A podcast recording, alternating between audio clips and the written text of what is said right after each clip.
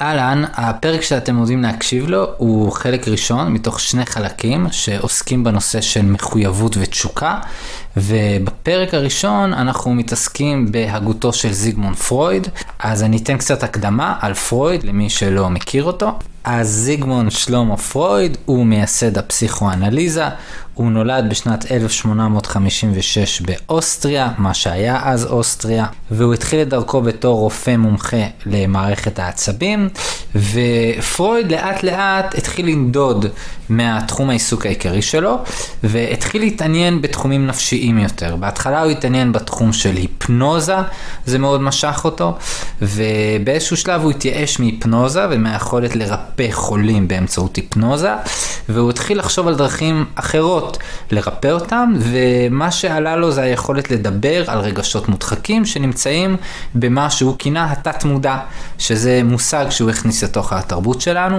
ובעצם בעקבות העבודה שלו הוא כתב שני ספרים, אחד על היסטריה ואחד על פירוש חלומות, אה, ספרים שבעצם היוו את הבסיס לתנועה הפסיכואנליטית, תנועה שהוא ייסד, והתנועה הזאת היא העמידה תלמידים הרבה, והיא השפיעה בצורה עצומה על עולם הפסיכולוגיה והפסיכותרפיה.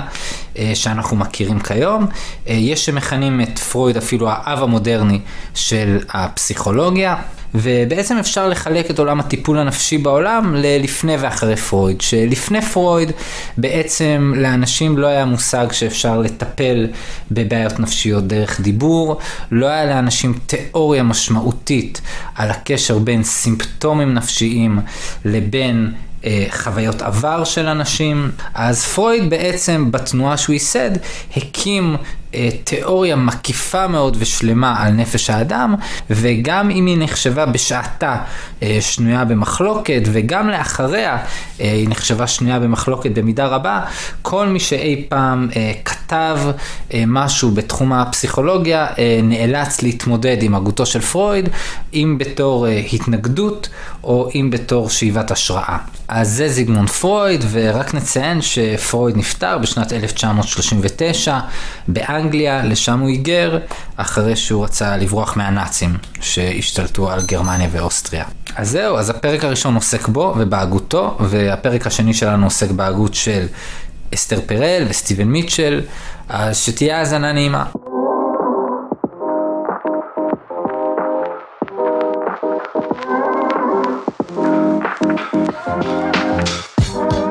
אילן, מה שלומך ידידי?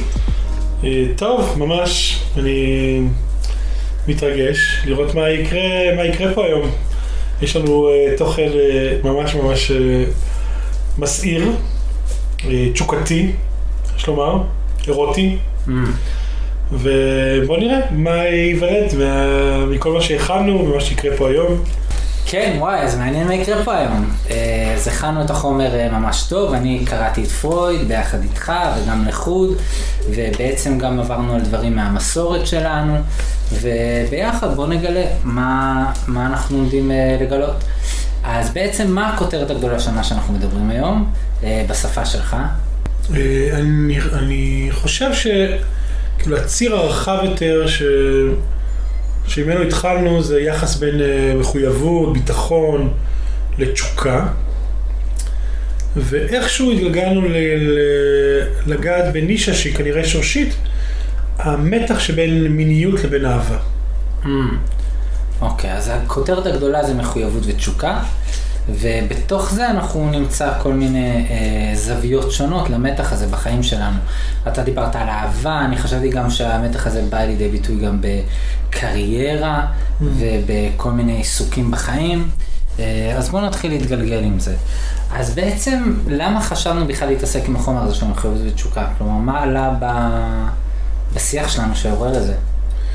תראה, יש, אני מרגיש שהחוזה בינינו של החיבור של מה שאנחנו מייצרים, זה שאנחנו פוגשים דברים שנמצאים עמוק בתוך התכנים הפסיכואנליטיים, ומנסים לראות איך זה קשור למערכות יחסים. Mm-hmm. זה אחד מהתחומים הכי, שאני חווה, בזוגיות שלי, בחיים שלי, וגם uh, במטופלים, זה המתח הזה שבין uh, חיים שיש בהם uh, ברית ונאמנות ומחויבות והתמדה. בתוך זה אני מוסיף אה, משכנתה, אה, עבודות בית, פרנסה, כן, אה, רכב, טופסולוגיה, בירוקרטיה, וחיים שיש בהם רומנטיקה וסערה ותשוקה והתחדשות ומיניות, ו... וזה משהו שהוא הוא מאוד מאוד uh, מעסיק אותי, ואני קצת רואה את העולם שלנו כעולם מפוצל. Mm. שאיפה שאני פוגש מרחבים שיש בהם תשוקה, זה מרחבים שאין בהם מחויבות. שאם אני רואה בעולם, אה, אנשים, נגיד זוגות, שאתה פוגש, נגיד סתם, סובב בעולם, תראה זוג שיש ביניהם אה, איזה אירוטיקה, איזה מתח, איזה ריגוש, אתה סביר להניח שאתה ת- תחשוב שהם, אין להם אה, שלושה ילדים ו... Mm. ומשכנתה, כאילו. כן.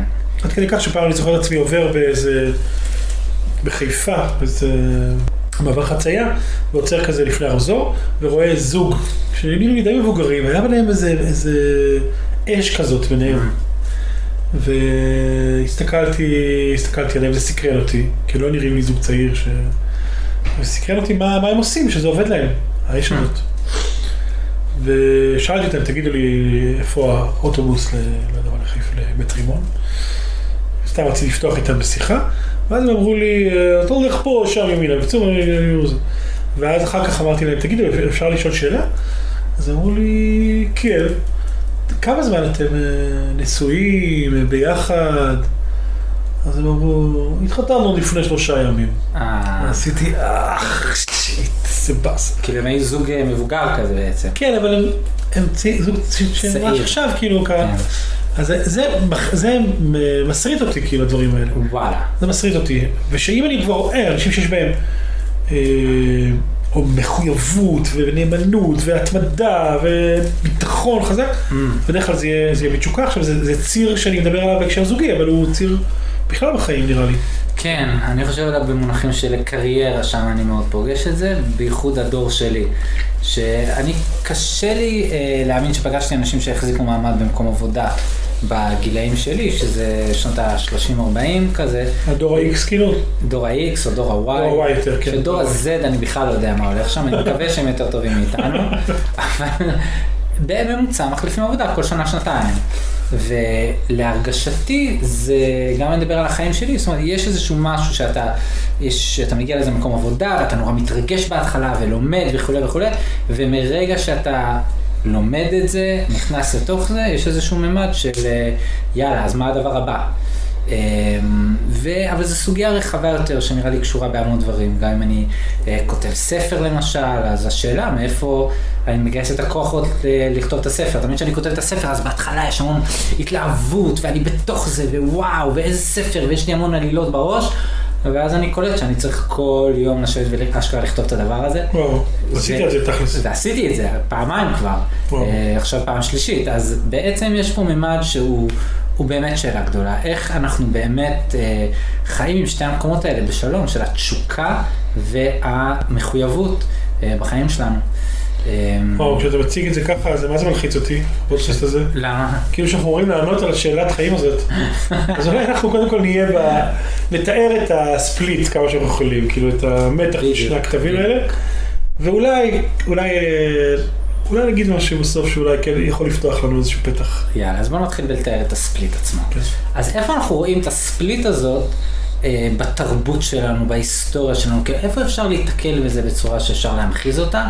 אז אני ישר חשבתי על, אה, על הספרות העתיקה שלנו, אה, היהדות, התנ"ך, ספרות יוונית גם עלה לי, אה, ואמרת קצת שיש לך איזה סיפור מהתלמוד שרצית להציף אותו בפודקאסט, כן. אז אולי אשמח להתחיל ממנו. כן, סיפור הזוי על מישהו שהגמרא מתארת שהיה לו בולמוס. בולמוס ביטוי שנמצא בחז"ל שהוא מתאר איזה היום בעברית מה זה בולמוס, כאילו זה מין רעב בלתי נשלט למשהו. כן. אבל היה לו בולמוס שהוא הוא- הוא נשמע שם כאיזה מחלת נפש שהיא מסוכנת. Mm, והיה לו בולמוס לאישה מסוימת, מהמם. ספציפית. וואלה. והלכו לרופאים, אמרו, אם הוא לא יהיה איתה, הוא ימות. הוא חייב להיות איתה. מהמם. הלכו לחכמים, אמרו, מה יעשה? פיקוח נפש כאילו. נגיד שהיא מוכנה, בסדר? אפילו נלך עם זה. כן, כן, ביהדות, רק אני אסביר למי שלא מכיר, אז כאילו פיקוח נפש דוחה את כל שאר האיסורים. אז אם אסור לבן אדם הזה להיות איתה, מבחינת ההלכה, אז יש פה שאלה של פיקוח נפש, כי... מול ערכים אחרים, כן? אה? כן, שיש פה פיקוח נפש מול, מול, אה, מול ערכים אחרים שעומדים מול. כן. עכשיו פה, החכמים אמרו אין מצב. כן, אני, הערכה שלי גם אם היא מוכנה, הוא ימות ולא לא, לא, לא יהיה איתה. לא יהיה איתה, הכוונה יהיה איתה מיני. לא, יצא- לא ישכב איתה. לא ישכב כן. איתה, כן. ואז אמרו, טוב, טוב, הרופאים אמרו, בסדר, אולי בוא נקל, בוא נעשה תנאים יותר מקלים, אולי שרק תעמוד לפניו אה, אה, עירומה. וחכמים אמרו, אין מצב, ימות ולא תעמוד לפניו עירומה. כן. ואז אמרו, לא, לא, לא, אולי שרק ידבר איתה מאחורי הגדר. יסוח מאחורי הגדר, אולי זה, אולי זה יעזור. כן. יכול להיות שזה ירגיע. חכמים אמרו גם כן, ימות ולא ידבר איתה מאחורי הגדר. זאת אומרת, הרופאים כל הזמן מנסים לשכנע את אה, חז"ל, כאילו תעשו משהו שיקל על המצב הרפואי שלו, והם מתעקשים, גם לא ישכב איתה, גם לא תהיה ערומה, וגם לא ידבר איתה אפילו, כלום, כלום. שימות. נכון, ואז הגמרא שואלת למה. אז אה, היא אומרת שלא יהיו בנות ישראל הפקר. לא, לא הופכים אישה גם לאובייקט מיני, גם אם זה פיקוח נפש. וואלה. אין מצב, לא יהיה, לא יקרה. ואז הגמרא שואלת שאלה מעניינת, זאת אומרת, שנייה, בוא נבין את הסיטואציה. אם היא אשת איש, יש לה בעל, מובן המורכבות פה. אבל אם היא פנויה, מה הבעיה? שיתחתנו. וואלה. למה לא, למה אין אופציה כזאת? שיתחתנו. מבחינת הרופאים שיציעו, אם היא רוצה כמובן, והוא רוצה, שיתחתנו, ואז, ה, ואז ה, הדודה שלו תרד, כאילו. ואז הגמרא אומרת משהו מאוד כואב. אולי, אולי, אולי הטקסט הכי עצוב שראיתי בגמרא. היא אומרת שאם הוא יתחתן איתה זה לא יעזור לו. למה? ופה אומרת הגמרא משפט, שמאז שחרב בית המקדש, ניטל טעם ביאה וניתנה לעוברי עבירה. מאז שחרב בית המקדש, נלקח הטעם של הביאה, ההנאה מהמיניות, מהזיווג, וניתן רק לעוברי עבירה. ולכן הוא, הצורך שלו היה לא להתחתן איתה ולהיות איתה במיניות. להיות איתה במיניות דווקא בלי חתונה. זה היה הצורך שלו. והיכולת שלו ליהנות מהמיניות היא רק כשזה בתוך מרחב אסור. אבל הגמרא לוקחת את זה לאמירה מאוד רחבה. שמאז שחרב את המקדש, לא יודע בדיוק מה זה, זה עולם אוטופי, שלם, שנשבר, אבל אנחנו כבר בתוך השבירה, אנחנו בעולם נטול מקדש, כן? אין, יש, הספליט הזה קיים, או שנהנים ממיניות, או שנהנים ממחויבות. אז זה בעצם סיפור מאוד מאוד חזק שמדגיש מין אה, ספליט כזה בין תשוקה בעולם הזה לבין הצד ש... אה, מה, זה, מה, זה, מה זה להתחתן איתה בעצם? זה להיות איתה ביחסים של אהבה וכבוד הדדי, כן. מחויבות. כן? וואלה, אוקיי, בסדר גמור. אבל שוב, הסיפור הזה הוא סיפור, בעיקר אותי, הקטע שהוא דרמטי עבורי, זה האמירה של הגמרא ככה זה. וואלה. אין טעם ביאה, נהנה מזיווג, שייכת לעוברי עבירה. במערכות יחסים שהם לא, לא בתוך מחויבות, זה לא עובד ביחד. מדהים. זה אמירה מאוד מטלטלת. האמת שכן.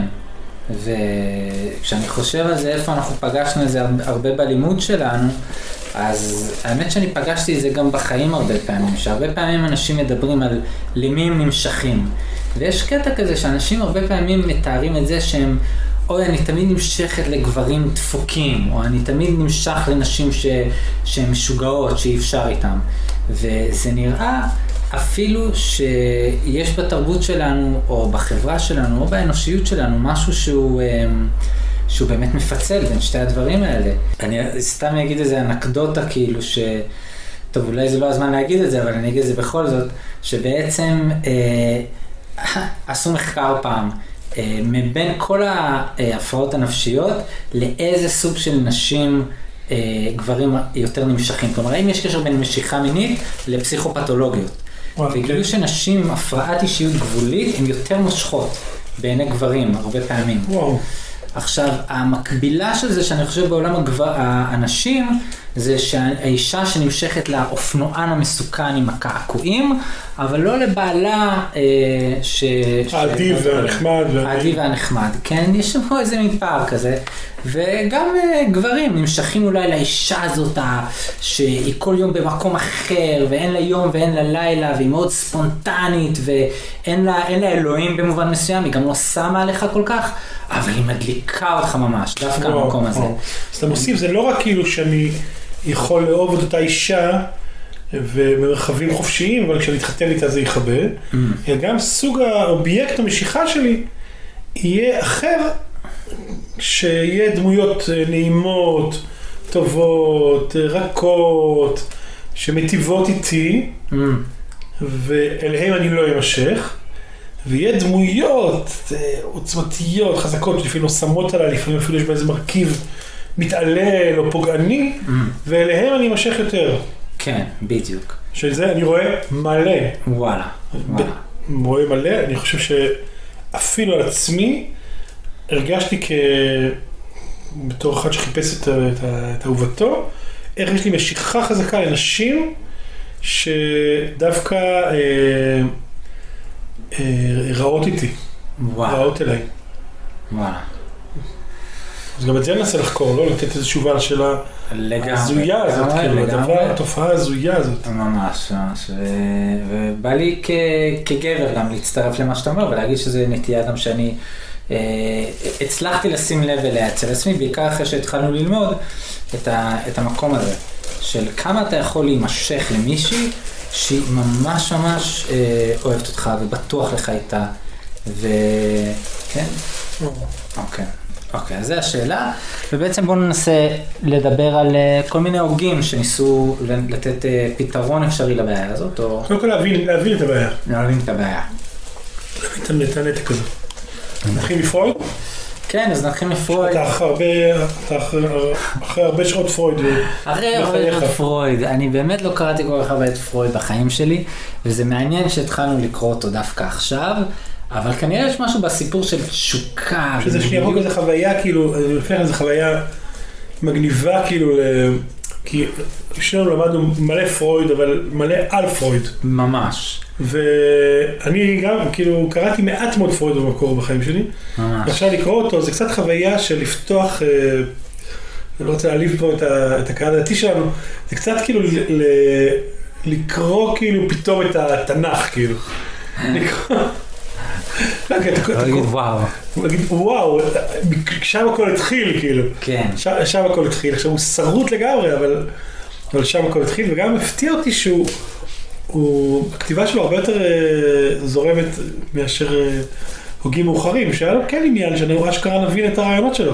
ממש, אני מבין איך הוא הצליח, כי הוא באמת בא עם רעיונות מאוד מאוד מוזרים לתקופתו, והקהל קנה את זה, הלך שבי אחריו באיזשהו מקום, וכנראה שבניגוד לוויניקוט למשל, היה לו יכולת מצוינת לתקשר את זה עם קהל שלא יודע כלום על פסיכולוגיה או על פסיכיאטריה, כי לא היה את זה לפניו, והוא הצליח לתקשר את זה. אז זה... מדהים, וגם היינו, אני מרגיש שאני אני הייתי צריך לחצות איזה גשר מהסטיגמה של, שאני תופס, של, של איך שאני תופס אותו. Mm, כדמות הזויה, כאילו, מיניות ילדית, ליבידו חסר מעצורים, כאילו שלבים סקס, פסיכוסקסואליים שקשורים ל, לילד עם אמא שלו, תסביך אדיפוס, כל הדברים שנדבר עליהם עוד מעט, זה דרש ממני המון המון אה, מוכנות להאמין, להאמין לו. לא להאמין לו שהוא צודק, להאמין לו שהוא חושב שהוא צודק. להאמין כן. לו שהוא לא מפגר, שהוא הוא ראה משהו.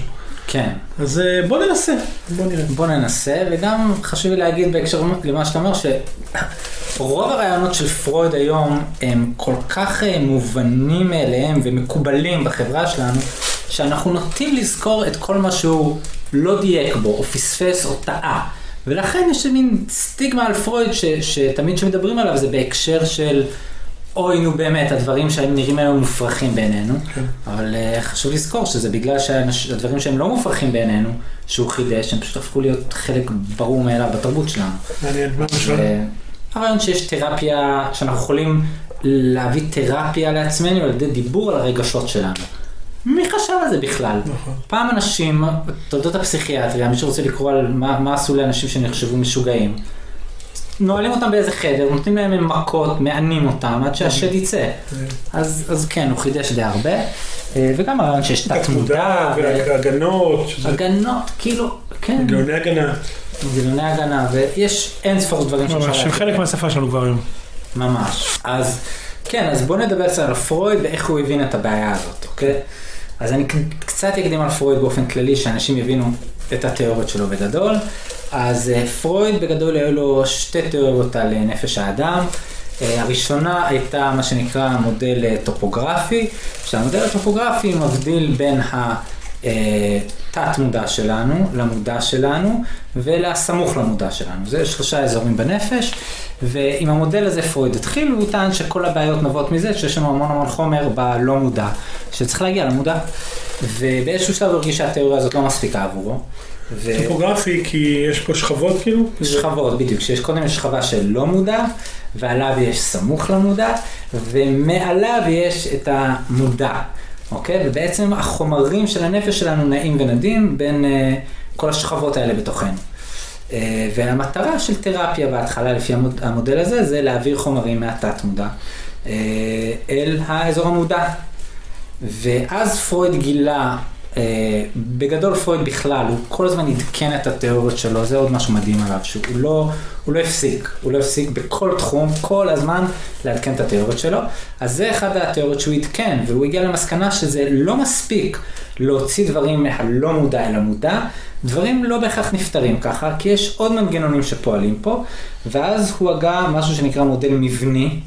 אוקיי? שהמודל המבני תיאר את המתחים בנפש שלנו לא כנפטרים כשהם עוברים למודע, אלא כנפטרים כשהם נפטרים בין שלושה מערכות שונות, שהוא קרא לאחד מהם איד, לשני אגו ולשלישי סופר אגו, שאיד זה החלק של הדחפים שלנו, החלק הפרימיטיבי שלנו, הליבידו שם נמצא?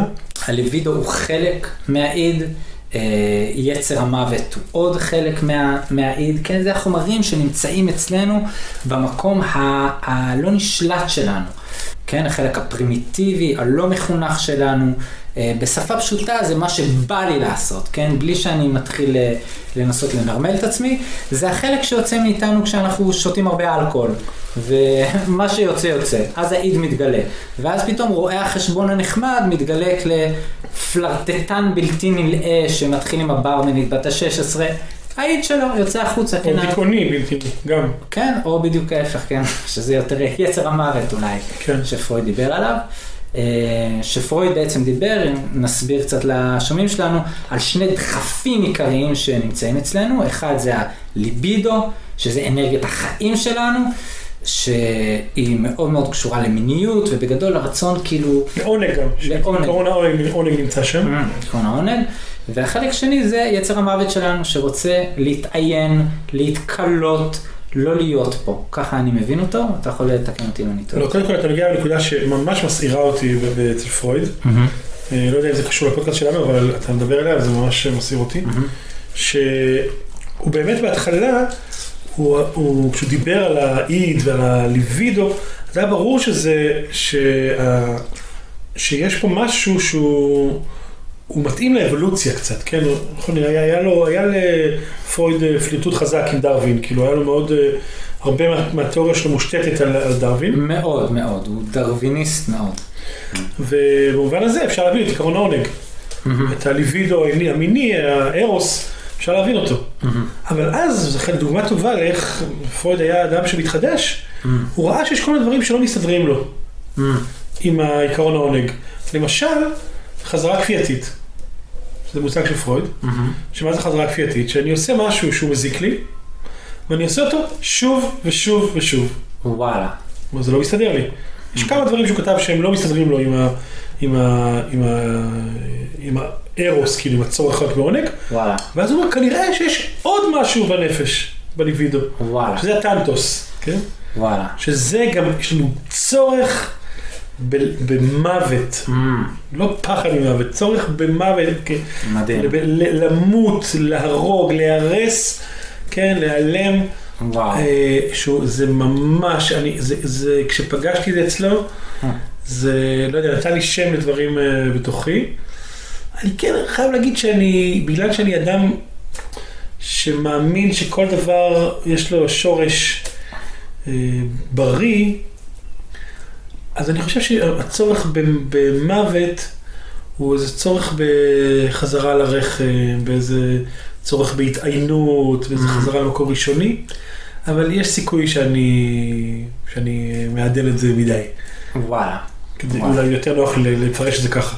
אבל בטוח שאני מכיר בתוכי וגם בעולם את הצורך בו זמנית לעונג, צורך במוות, בהרג, בהרס. מעניין. אולי זה קשור קצת למה שדיברנו על המשיכה לנשים אה, שהורסות אותך, ואתה חוזר שוב ושוב לדפוסים עם נשים שאתה נמשך עליהן בטירוף, אבל אתה כל פעם רואה שזה לא עובד לך. ואתה חוזר וחוזר, יכול להיות, זה קצת מזכיר לי, שיכול להיות שיש לנו גם שם, בעבר, בחירה אה, אה, לא מודעת אה, לאיזשהו סוג של אה, הרס וכיליון כזה. אה, ולגבי מה שאמרת על הרחם, אם זה משהו רחם יותר משהו יותר אלים באמת, זה באמת שאלה מעניינת. אה, פרויד, אני יודע, הגה את התיאוריה שלו אחרי מלחמת העולם הראשונה, זה נראה לי שהפעיל אותו, לדבר על יצר המוות. וכנראה הוא רואה קו מקביל בין הצורך שלנו ל... אה, להתאהב במושאי אהבה שהם גרועים לנו, לבין אה, מלחמת העולם הראשונה והרצון שלנו ל... להילחם בסוחות. מעניין, מעניין. זאת אומרת שהחזרה כפייתית, שאני חוזר לאותה אישה שכל פעם אה, פוגעת בי, מזיקה לי, שאני נמשכת כל פעם לגבר שהוא תוקפני ומנמיך אותי, זה ודאי חזרה כפייתית. זו חזרה כפייתית שיושבת על הטנטוס, יושבת על ה... יכול להיות, כן, מה שאתה אומר, זה נשמע שזה יכול להיות כיוון מעניין. למה? למה שהנפש תרצה את זה? כי ולמה שיהיה לנו צורך כזה, צורך בעונג אני מבין, גם אם הוא לא מבוסת. הוא צורך בעונג, צורך בחיים, בתשוקה, לבלוע את החיים. למה שיהיה לנו צורך במוות? כמיהה למוות. שאלה מטורפת. לא יודע, לא יודע אם לפתוח את זה עכשיו, אבל... אמ, יש איזה אלמנטים שאני יכול לחשוב, פרוי גם תיאר נראה לי מדיטציה. כמשהו שקשור לזה, שיכול להיות שהצורך הזה במוות, או הצורך להתעיין, זה, זה מקום שהוא כמו הרחם אולי, באמת מקום בטוח, חסר מתח. מעניין. כל יכול כזה, בולע את כל האישיות שלי, את כל הספקות שלי, טוטאלי כזה. אמ, אבל בוא באמת, אני חושב שזה כן קשור לנושא שלנו, האם כן. תשוקה היא צריכה להיות קשורה במוות, האם תשוקה זה משהו ששורף אותך, כן, למוות, או שזה משהו שהוא מחיה, בריא, טוב, האם זה יכול להיות חלק מהחיים שלנו? אני חווה את זה כשאני עומד מול מקום גבוה, אז יש לי אה, איזה פחד אה, גבהים, לא, לא, לא דרמטי, אבל שאני מזהה שהפחד הגבהים שלי הוא נובע מכמיהה לקפוץ. מעניין, מעניין. שאני כאילו במובן מסוים אני מסתכל על זה ואומר וואו. בא לי כאילו לקפוץ, להתרסק, להיעלם. וואו. אבל יש בו זמנית, יש גם פחד מול המקום הזה. וואלה, שמה שמביא את הריגוש ואת הכמיהה, בדיוק, בדיוק. הוא גם עוד קשור לצורך הזה ל... כן. להימחק כזה או כן. להיבלע. כן, כאילו שזה לא שני צדדים, עכשיו שאני חושב על זה איתך, הארוס והטנטוס הם לא אה, שני דברים, uh-huh. הם אותו דבר. כאילו במובן מסוים, מה שנותן תוקף לארוס זה שיש טנטוס, זה מה שנותן תוקף ליצר חיים הוא זה שיש גם יצר חזק של מוות.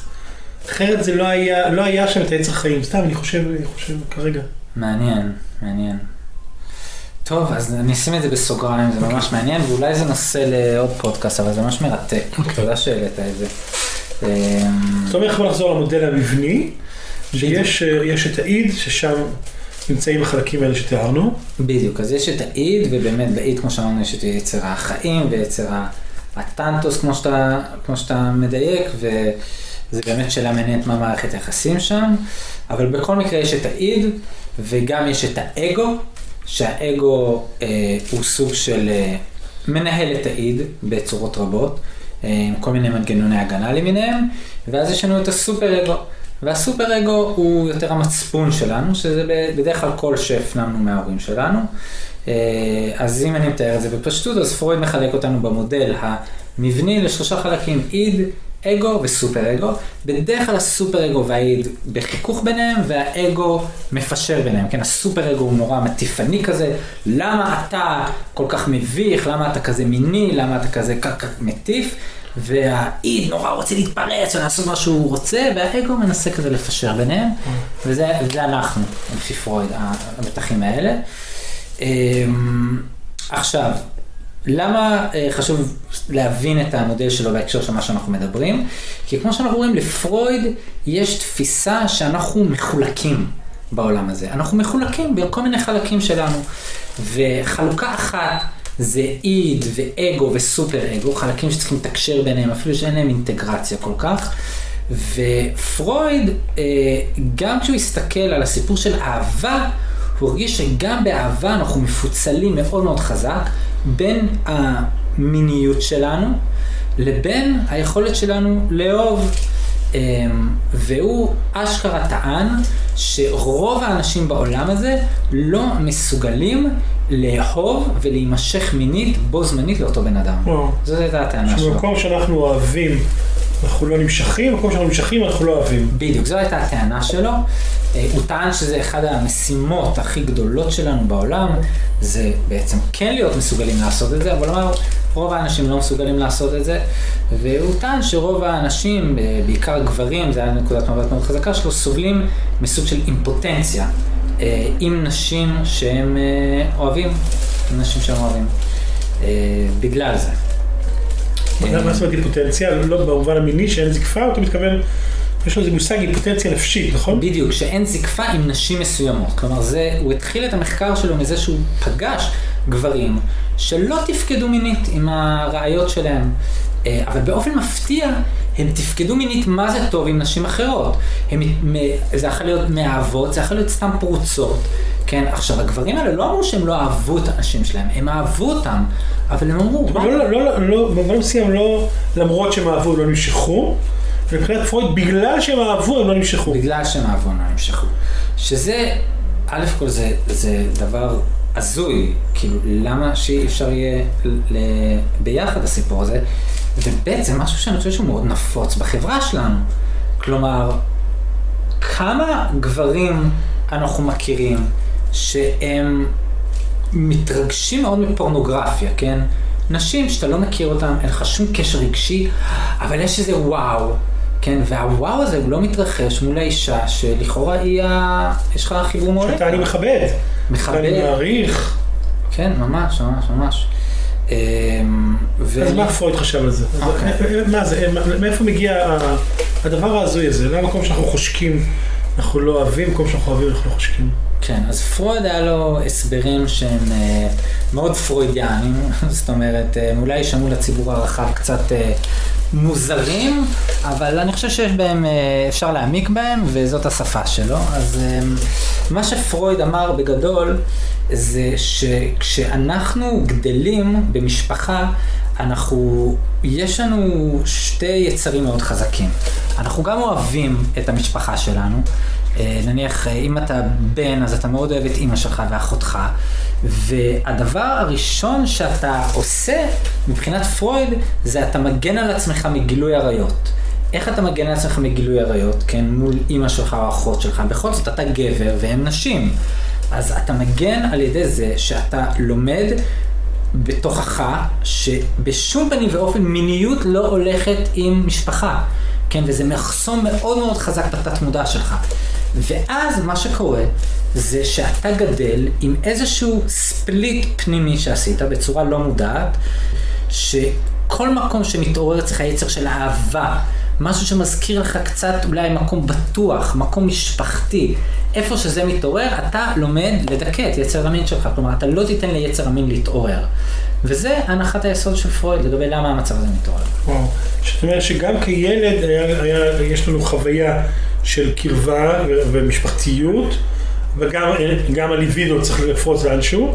ויש איזשהו אה, הסופר אגו, או עקרון המציאות, המאבק מול האבא, לא משנה, כל מיני דברים, או חרדת הסירוס, כל מיני מושגים כאלה, גרמו לנו להדחיק את האנרגיה המינית.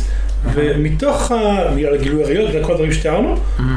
ואז אני מתרגל שאיפה שאני מרגיש... אה, קרבה, חיבה, נכון, המילה שלו זה חיבה. נכון? חיבה, כן. אז אני שם, אני אומר, אני צריך להדחיק את המיניות שלי.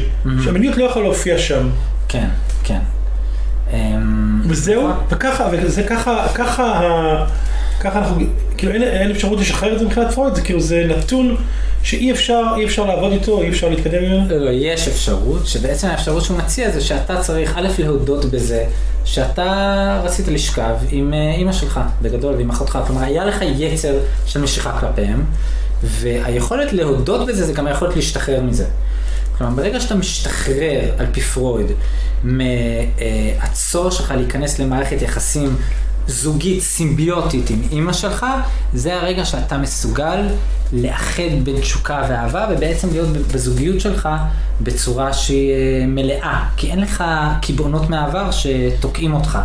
אה, ומונעים ממך, להימשך לבת זוג שלך. וככל שאני מפתח יותר אה, במילים שלי מובחנות, או, או, או התרחקות בריאה מההורים שלי, מהמשפחה שלי, לייצר את המקום שלי, יש לי יותר אפשרות להימשך למישהי ולא לחוש בגלל שהיא טובה ומיטיבה, היא אימא שלי או היא אחותי. Mm-hmm. כאילו, אני יכול יותר להיות נינוח עם התשוקה שלי, בגלל שהאובייקט הראשוני, מספיק השתחררתי ממנו, לייצר איזושהי סינתזה של אובייקט חדש שיש בו גם וגם. בדיוק, בדיוק. ואני חושב שמה שעשית זה נכון, שבעצם את פרויד אנחנו צריכים לתרגם לשפה נורמלית, שרוב האנשים יבינו. כי באמת זה נשמע מופרך, מה, לשכב עם אימא שלך, ילד שרוצה גילוי זה נשמע מופרך, אבל אם אנחנו מתרגמים את זה לשפה פשוטה, אז באמת, כמו שאתה אומר, זה, אם אני בזוגיות עם מישהי, ועדיין לא השתחררתי מהצורך שלי בזוגיות עם אימא שלי, כלומר, אני עדיין, אה, אה, אה, יש לי חסכים מאוד עמוקים בקשר שלי איתה, אני אצפה שבת הזוג תמלא את החסכים האלה. עכשיו, אם אני מצפה שבת הזוג תהיה אימא שלי באיזשהו מקום, איך לעזאזל אני יכול להרשות לעצמי להימשך לאימא שלי? גילוי עריות. זה גילוי עריות. עוד דבר מעניין ש... שבא לי שתגיד עליו משהו שהוא מאוד מאוד הפתיע אותי אצל פרויד, mm-hmm. כי לא, לא הפתיע אותי אצל פרויד, הפתיע אותי שזה נמצא אצל פרויד, ש... שאחת השיטות שאנחנו עובדים איתה בטיפול זוגי זה שיטת אימאגו, mm-hmm. ושפיתח uh, מישהו בן דורנו, הארוויל הנדריקס, והסתבר לי שהביטוי אימאגו נמצא, זה ביטוי שפרויד הגה. ממש. תגיד, אנחנו חושבים שזו שיטת טיפול מודרנית, כן. שמבוססת על הישגינו המודרניים והבנתנו לגבי הזוגיות בעת החדשה, אז לא, אז פרויד הגה את הרעיון הזה וגם את המושג הזה, כלומר הוא חשב שאנחנו... לא רק את המושג, גם את הרעיון. גם את הרעיון, שאנחנו נמשכים לאנשים בבגרות שלנו על פי המודל של ההורה שהיה לנו. אה, ואנחנו מנסים לשחזר את זה כל הזמן, ששוב, זה חלק מה... אימאגו ראשון, נכון, אימייג'. image, בדיוק, וככה של דימוי שלנו נמשך, שהוא מושפע ישירות ממה שגדלנו. עכשיו, כשאתה אומר את זה, אז זה מובן למה זה מאוד קשה להחזיק שם תשוקה. Mm. כי אם האובייקט המשיכה שלנו, האימאגו שלנו, זה קשור לאימא שלי, אצל, אצל הנדריקס, להגיד רק שאצלו זה לאו דווקא אימא, זה, זה התכונות השליליות והחיוביות של ההורים, mm. מטפלות. Mm. אבל אצל פרויד זה נשמע שזה, שזה בין המין הנגדי, כן. כן? שיש פה משיכה לאימא שלי, כי וזה האובייקט של למה אני אמשך, mm-hmm. אז מאוד מובן למה קשה להכניס לשם מיניות. לגמרי, לגמרי. אמ, וגם התסביך זונה מדונה, שזה מושג הרחב, תגיד עליו משהו, נכון? זה גם, זה גם ממנו. כן, אז פה באמת פרויד הלך לכיוון מעניין. הוא אמר איך אנחנו באמת פותרים בצורה לא נכונה את הסיפור של התשוקה והאהבה. אז הוא התחיל להגיד ש... אוקיי, אז אנחנו לא נמשכים לדמויות שמזכירות לנו את הבית, כלומר מקומות בטוחים עבורנו, שיש חיבה והערכה ו... ו... ו... ואהבה במובן הלא מיני שלה. אז מה אנחנו, איפה אנחנו מוצאים את המיניות שלנו? אנחנו מוצאים את זה אצל נשים שהן לא כאלה. והדרך שלנו לעשות את זה הרבה פעמים, זה שאנחנו מוצאים נשים שאנחנו בסתר ליבנו מזלזלים בהם, או אפילו לא בסתר ליבנו. כן, אבל זה נשים שאנחנו, יש לנו איזה בוז כלפיהם. כן, שנשים שאנחנו לא יודעים בתוכנו שאנחנו באמת לא מסוגלים להיות בקשר איתם. ודווקא בגלל שאנחנו יודעים שאנחנו לא מסוגלים להיות בקשר איתם, אמיתי, מלא ואותנטי וממשי במלוא מובן המילה עם כל העולם שלנו, הרגשי שלנו, דווקא בגלל זה הן ממש מושכות. בגלל שהן לא מזכירות לנו את, אה, את הבית, כן? אז הוא קרא לזה תסביך המדונה הקדושה, אה, סליחה, תסביך המדונה זונה, או הקדושה פרוצה, כל תרגום בוחר את הדרך שלו. כן. קדושה קדשה, וואלה, מעניין, כן?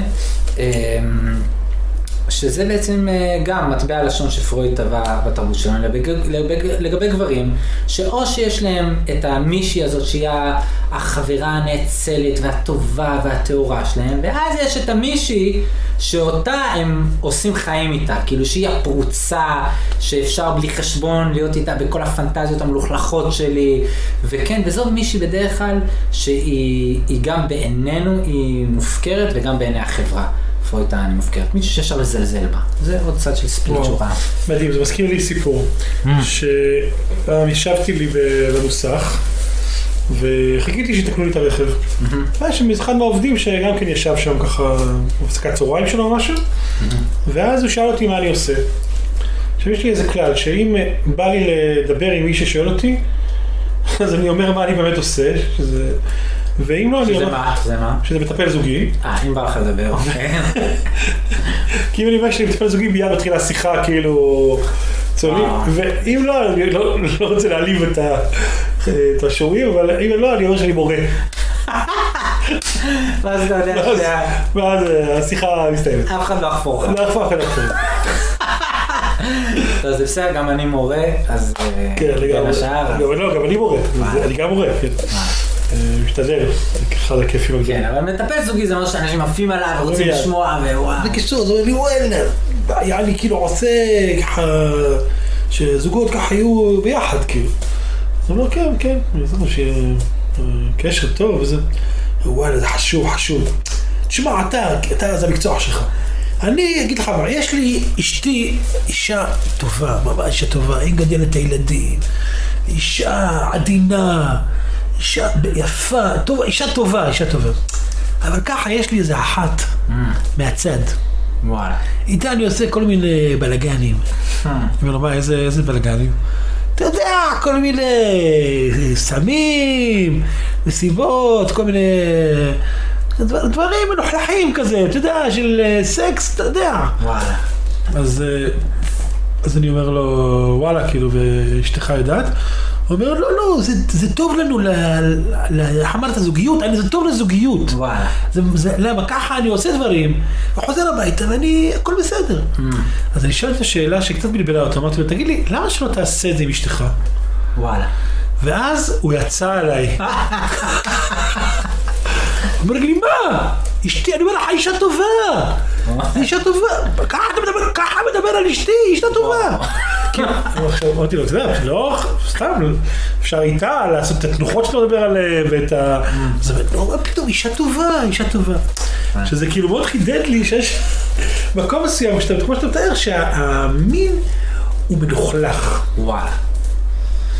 הוא מלוכלך. ואהבה זה דבר אה, טהור. ואני לא מערבב עליהם. כן. אז אני אעשה, יש אהבה, יש את הקדושה ויש את, ה, ויש את הזונה, ואני אני, אני אפריד בין, בין המקומות האלה. ואני מוכרח להגיד שאני, ההסברים של פרויד, אה, מה שתיארת עכשיו בפרויד על האימא והפחד אה, גילוי עריות, ואני מבין את זה, ואני- ונשמע לי גם שיש בזה משהו, אבל אני גם חושב שיש פה משהו שקשור לאיך פרויד תפס מיניות. כי אה, באמת, מבחינת פרויד יש את החיה, את המקום החייתי שלנו, והמיניות שייכת למקום החייתי.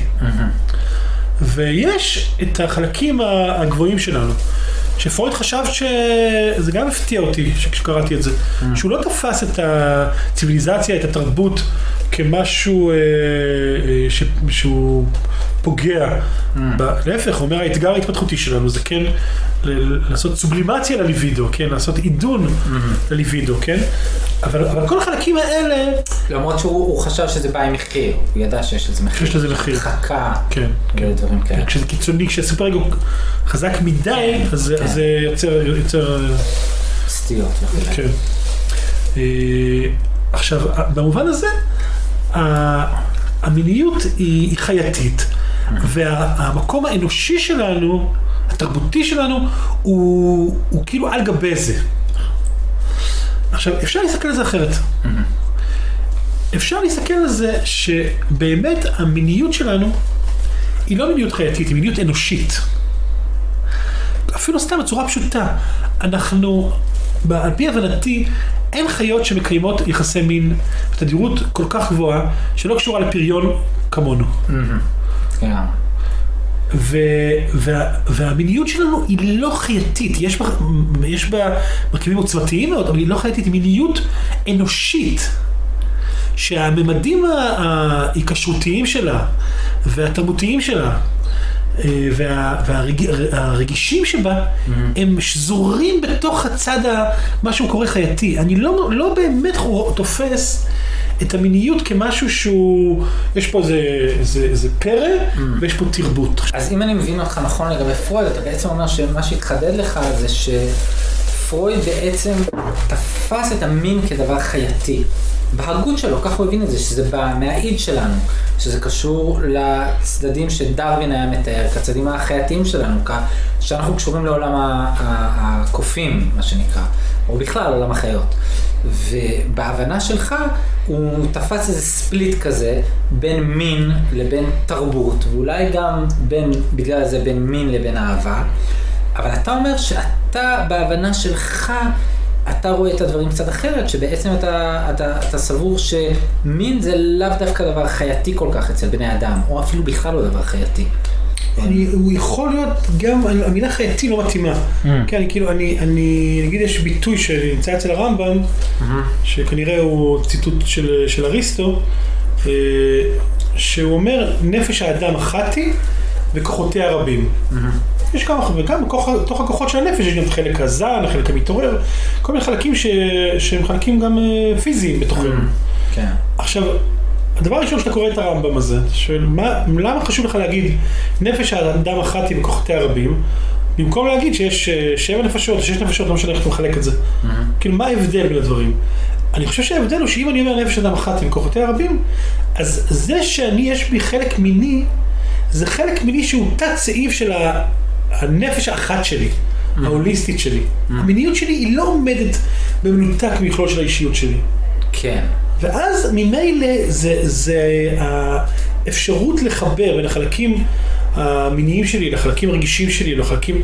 המין הוא, הוא הרבה יותר מורכב מאשר איך מתמודדים עם האנרגיה החייתית שלי לבין התרבות והעידון, הסובלימציה של זה. כן, כן.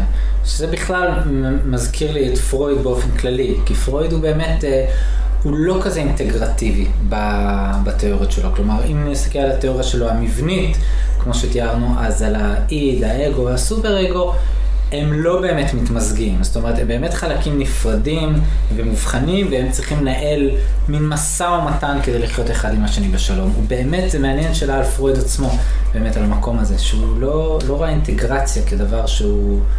הוא אה, כל כך אה, אפשרי בהגות שלו. במובן הזה יש הרבה יותר פ- פרוורסיות, כן? אז זה פרויד, שבאמת אתה מחדד לי עד כמה מיניות עבורו היא דבר שקשור לצד החייתי שלנו, ואנחנו פשוט צריכים להתמודד עם זה, והדבר הכי טוב שאנחנו יכולים לעשות זה לעשות אה, עידון, סובלימציה בשפה שלו. שזה אתגר שהוא בעיניו אתגר, אתגר חשוב. האתגר של האנושות, כן? איך אנחנו בעצם... אה, נותנים לחיה להשתלט על, על הציוויליזציה המפוארת שבנינו, כן, מצד שני, גם בלי להדחיק אותה. בלי להדחיק אותה. זה סובלימציה זה ההישג הכי הכי גדול של פרויד, שאתה בעצם מתרגם את החלק החייתי שבך ועושה עם זה משהו פרודקטיבי. כן, אתה כותב שיר, אתה נהיה שוטר, כן. אתה עושה משהו חיובי עם זה.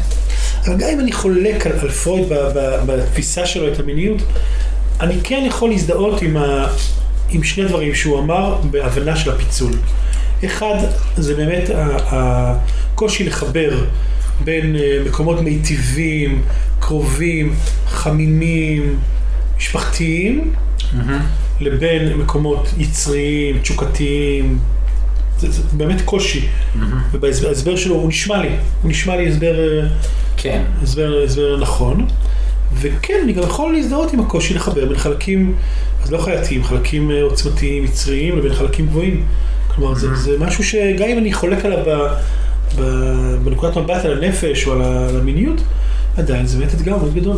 כן, כן, אפילו, אתה אומר, אם, גם אם הוא לא חייתי, גם אם אנחנו מדברים על תשוקה כן. ועל סערה פנימית כזאת שרוצה דברים בצורה שהיא היא לא עכשיו אה, מתחשבנת, רציונלית, עושה את החישובים שלה, איך זה הופך להיות חלק מהחיים הטובים שלנו, הבריאים שלנו, כן? אה, והמענה של פרויד לזה הוא שני דברים. מבחינה פסיכולוגית, זה יכול להיות שלנו להשתחרר בצורה בריאה מהתלות באימא, באחיות שלי, במשפחה שלי, שאני מפתח איזה מקום של מרחק מספיק גדול, שמאפשר לי לפגוש אישה, ושזה לא יהיה שאם היא טובה אז זה אימא, ואני צריך ללכת אל, ה- אל, ה- אל הדמות, אל הזונה, כן. אלא שיש מספיק מרחק שמאפשר לי לייצר את הסינתזה הבריאה הזאת בין שני החלקים. בדיוק, וזה מסע בפני עצמו, דרך אגב, שאנחנו לא נכנסים לזה, אבל באמת, אה, איך מכוננים יחסים עם הורים שהם יחסים שהם, אה, שגם אה, אוהבים,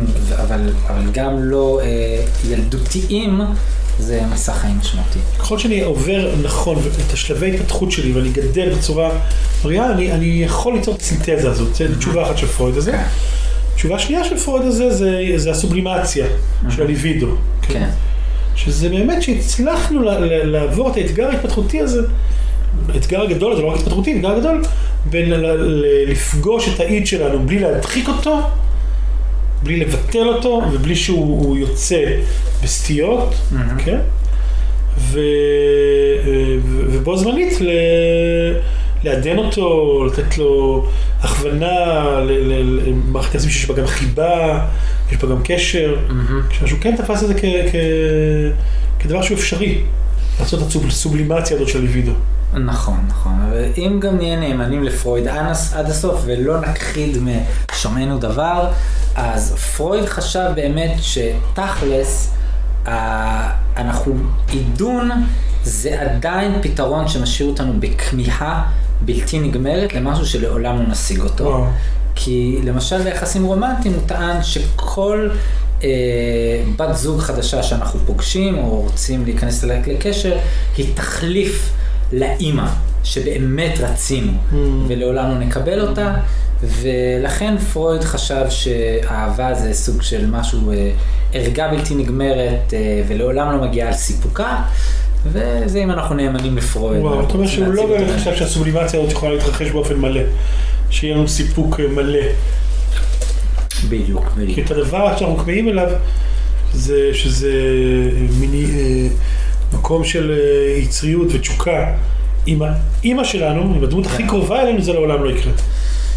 כן, כן.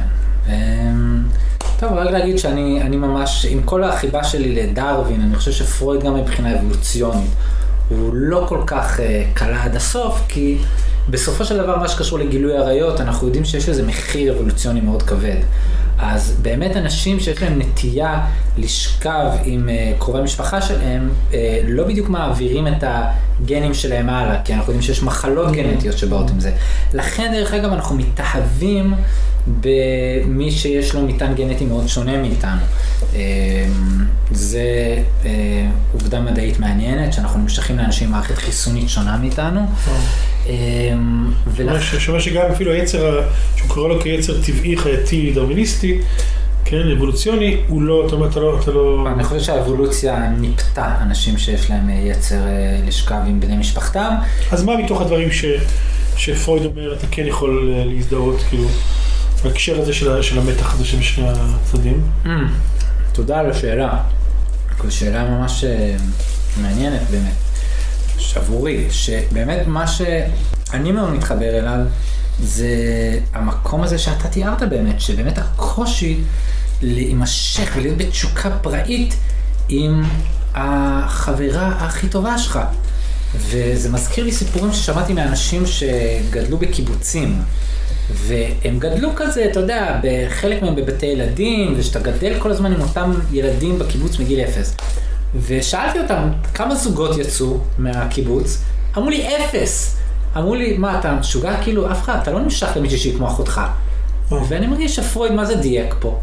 כאילו, והוא גם דייק במובן שאכן, אה, זה גילוי עריות, זה משהו שהוא הוא כנראה נמנע בגלל שיש לנו אה, הגנות מאוד חזקות, לא משנה מאיזה סיבה, אה, גנטיות או נפשיות. אבל זה לא סותר את העובדה שהאובייקט ש... שאנחנו אה, הכי קרוב אלינו, דמות היא האימא שלנו, ובמובן מסוים אנחנו נח- נחפש את זה, נחפש את זה בחיים הבוגרים שלנו, והיכולת להכניס לשם תשוקה זה דבר שהוא הוא מורכב. נכון, אז מה שאתה אומר הוא, הוא פרדוקס עוד יותר מעניין שלא חשבתי עליו, שמצד אחד אנחנו, על פי פרויד וגם אנדריס, אנחנו מחפשים את השחזור הזה, אנחנו באים עם איזה דגם, כן. וכנראה באופן טבעי להביא לדגם הזה המשפחתי משהו שהוא הוא, הוא, הוא כל כך סותר את החוויה שלנו של מה, שמש, מה זה משפחה, הוא כנראה קפיצה לא פשוטה עבור רוב האנשים. ואז? במקום שאנחנו אוהבים, אנחנו לא חושקים. כמו שאנחנו חושקים, אנחנו. לא אוהבים. זה פרויד. אוקיי, אז זה וזה. חלק א' של הפודקאסט שלנו.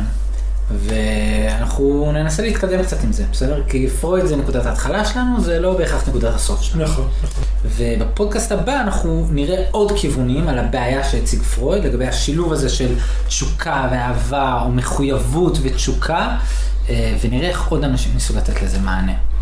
מדהים. מעולה, אז תודה רבה אילן, היה כיף לדבר איתך.